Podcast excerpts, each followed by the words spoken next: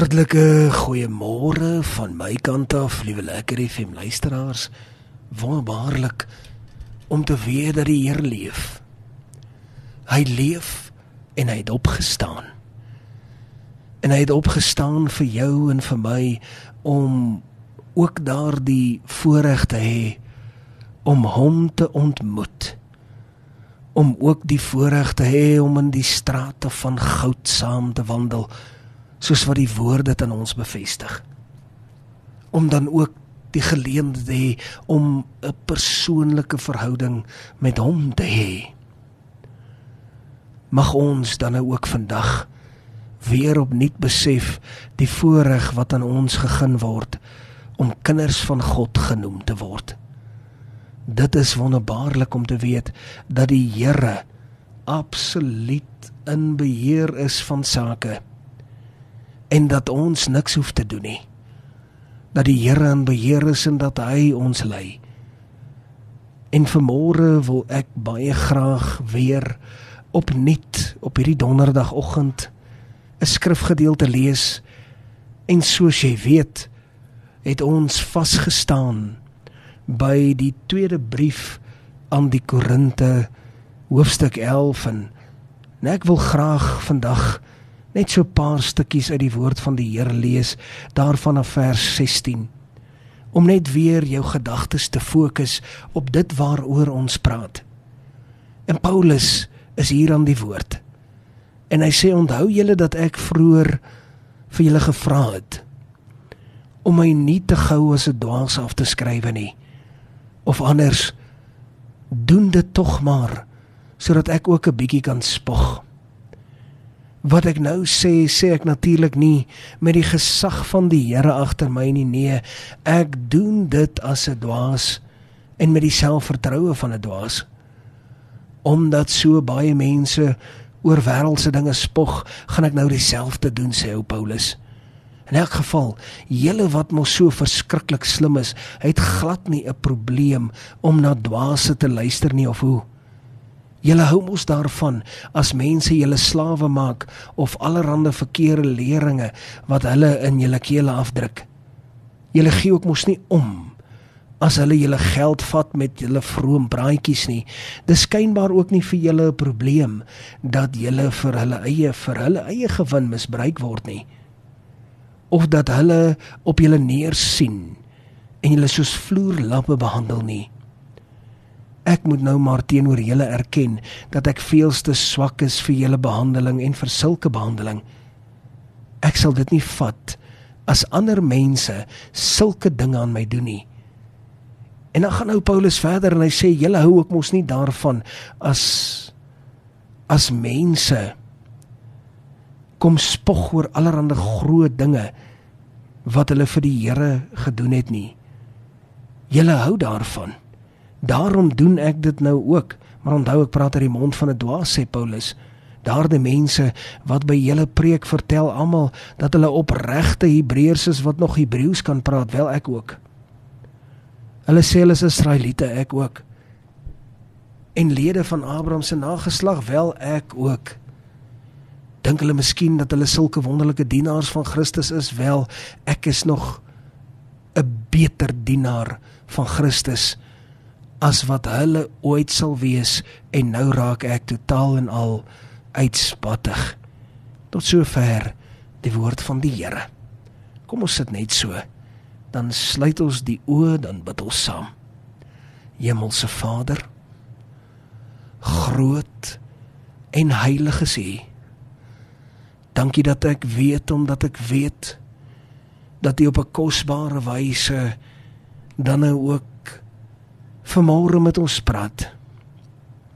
Here kom help ons om hierdie woord mooi te verstaan en daardeur bemoedig word en daardeur absolute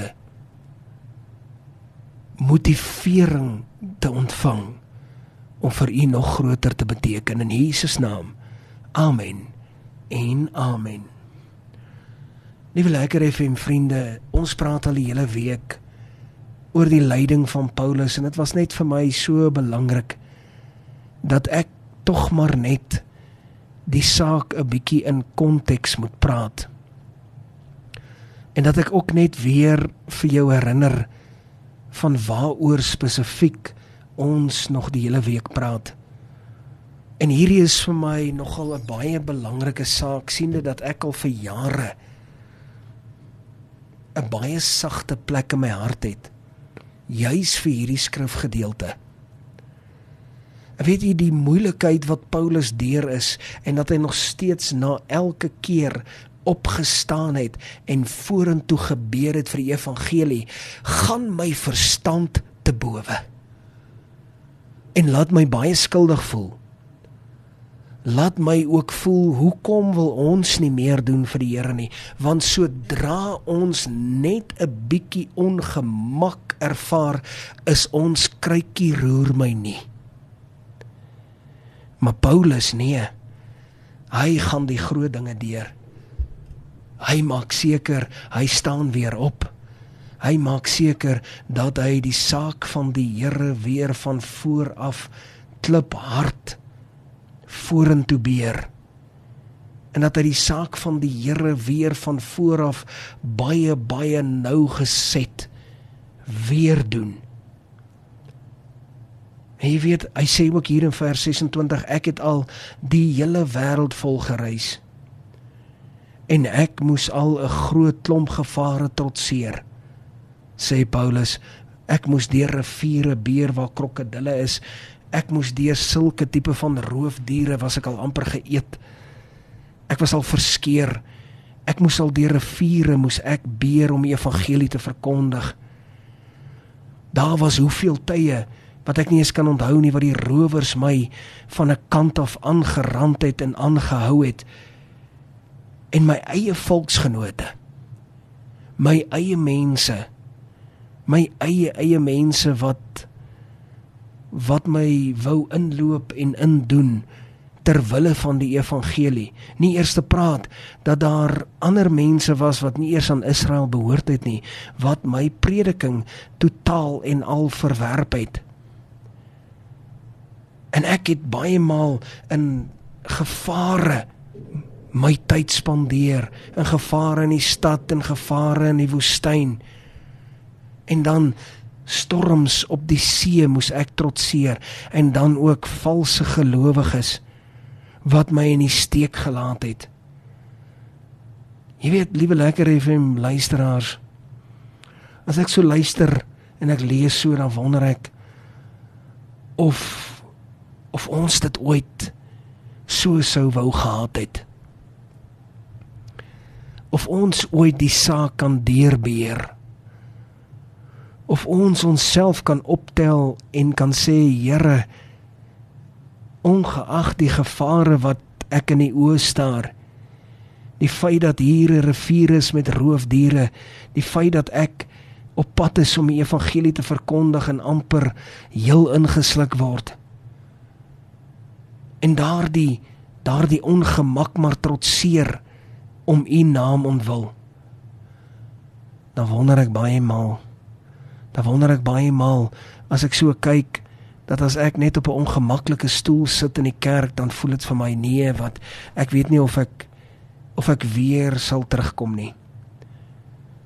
Ek onthou 'n spesifieke persoon wat lank terug in ons gemeente was wat op 'n spesifieke sitplek gesit het en hy het my twee sondae in 'n ry het hy my gewaarsku as hy weer instap en iemand anders te sit op daardie sitplek dan kom hy nie weer terug kerk toe nie en hy het ook nooit weer nie hy daarin dan besluit hy gaan nie weer kerk toe kom nie as gevolg van omdat hy nie op sy sitplek kan sit nie. Maar wat as ons deur riviere moes gaan? Wat as ons in die woestyn moes wees? Wat as ons met valse gelowiges te maak gehad het en mense wat ons wat ons dinge beloof het, beloof het hulle sal daar wees vir ons, maar toe nie daar is nie. Gebeur dit baie? Hoe baie maal het dit nou al gebeur nie? Ek kan jou beloof, maak nie saak hoe baie maal dit gebeur het nie, dit sal nie op die vlak wees waarop Paulus dit al moes trotseer het nie. Daarvan is ek 100% baie seker. Hy stop nie daar nie. Hy sê ek moes baie hard werk. En jy weet, liewe lekker FM luisteraars, die tyd toe ek 'n skripsie gedoen het en hieroor gedink het en hier aangewerk het, het ek werklik werklik agtergekom. Hierdie is 'n baie klein sinnetjie. Ek moes ook baie hard werk. Jy weet, liewe lekker FM luisteraars, vir ons beteken hard werk dat jou 8 tot 5 werk wat jy doen, het jy nou net nogal ingesit en jy het nou nogal die hele dag gewerk. En jy het dalk so 'n bietjie van jou etenstyd en jou een teetyd het jy ook ingewerk. Dis nie wat Paulus hiervan praat nie. Paulus praat hiervan dat hy gewerk het 20 ure uit 'n dag uit. Dat hy maar so 4 ure geslaap het. Maar dat hy 20 ure konstant gewerk het, konstant geloop het, konstant probleme uitgesorteer het, konstant die evangelie verkondig het. 20 ure per dag. Nou wil ek jou vra, wanneer laas het jy 20 ure in 'n dag gewerk? Is die saak van die Here nie belangrik genoeg dat ek en jy vandag 'n ander besluit moet neem nie? En dan gaan hy verder, hy sê baie nagte het ek nie 'n oog toegemaak nie, dikwels het ek niks gehad om te drink of om te eet nie, want kos was maar altyd 'n groot skaarste. Dikwels het ek niks geëet nie. So ek het 20 ure gewerk. Ek is aangerand, ek kom so pas uit die uit die gevangenis uit. Ek is so pas deur die Jode 39 houe geslaan. Ek werk 20 ure in 'n dag. Ek is deur die gevaarlikste rivier en dan het ek niks om te eet of te drink nie. En dan stop hy nie daar nie, dan sê hy en ek het ook nie altyd genoeg warm klere gehad om my teen die koue te beskerm nie. Baie maal het ek amper verkleim. Liewe lekker FM vriende, ons kan nie sê ja, maar ons bly ons lewe in 'n ander tyd nie. Nee, nee, nee ons mag nie daardie maklike agterdeur gryp en probeer daardeur sommer klim nie. Ons kan nie 'n deur soos daardie kom oop forceer nie. Ons moet realiteit in die oë staar. Het ons sag geword? Kan ons nie, soos die Engelsman sal sê, 'n bietjie punishment deurgaan vir die saak van die Here nie? Kan ons nie maar vandag 'n besluit neem en sê ek gaan nie meer oor die nitty-gritties omgee nie. Ek gaan die saak van die Here vat en ek gaan iets vir die Here doen.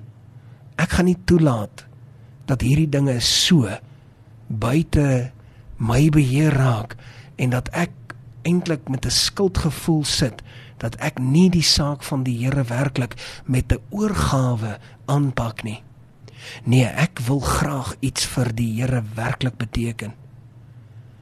Mag jy deur vandag se woord geïnspireer word en ons gaan môre die laaste gedeelte deurgaan. Die laaste paar versies môre lees. En tot dan, liewe lekker FM vriende, mag jy die Here se genade gewaar en mag jy 'n motivering in jou hart kry vir die sake van die Here meer as wat ander mense dit sal hê. Sover die woord van die Here. Kom ons sit net so. Dan sluit ons die oë, dan bid ons saam. Hemelse Vader. Ons het vandag gehoor, werklik gehoor. Dit wat belangrik is. Here kom dan met u groote genade. En Vader, kom help ons. Kom help ons om u saak op ons harte te dra en dat u saak vir ons belangrik genoeg sal wees. Here, ons bid hierdie dinge nie omdat ons dit verdien nie. Here, inteendeel ons verdien niks nie, want ons weet alles kom absoluut net vanuit genade. So daarom vra ons, Here, gee dit vir ons uit genade uit. En dit bid ons so want ons weet dat as ons U vra, sal U dit vir ons skenk in Jesus kosbare naam. Amen. en amen.